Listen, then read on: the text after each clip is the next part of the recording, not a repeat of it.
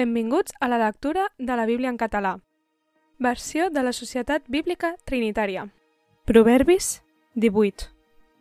El qui s'aparta vol satisfer el seu propi desig. Es revela contra tota bona saviesa.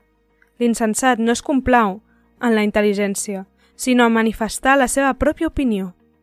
Amb la vinguda del malvat ve també el menyspreu, i amb la vergonya l'oprobi.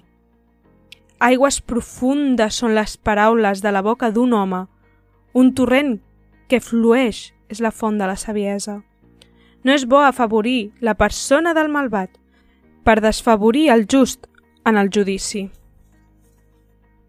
Els llavis de l'insensat entren als plets i la seva boca demana assots. La boca de l'insensat és la seva ruïna i els seus llavis són un parany per a la seva ànima. Les paraules del difamador són com llaïnadures, que baixen fins al fons de les entranyes. També el qui és negligent en la seva feina germà del qui destrueix. El nom de Javé és una torre forta. A ell corre el just i serà exalçat. La fortuna del ric és la seva plaça forta i com una muralla elevada en la seva imaginació. El cor de l'home s'exalça abans de la caiguda, però la humilitat precedeix l'honor. El qui respon una qüestió abans d'haver escoltat li és una insensatesa i un ultratge. L'ànim d'un home fa suportable la seva malaltia, però l'ànim abatut, qui l'alçarà?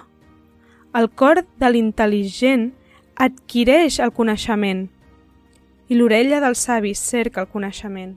El present de l'home li obre pas i el mena davant els grans.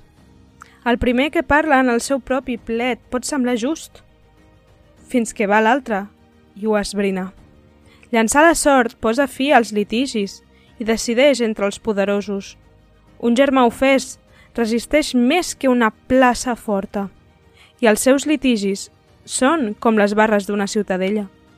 Del fruit de la boca de l'home s'afarta el seu ventre, del producte dels seus llavis s'afartarà. Mort i vida estan en poder de la llengua.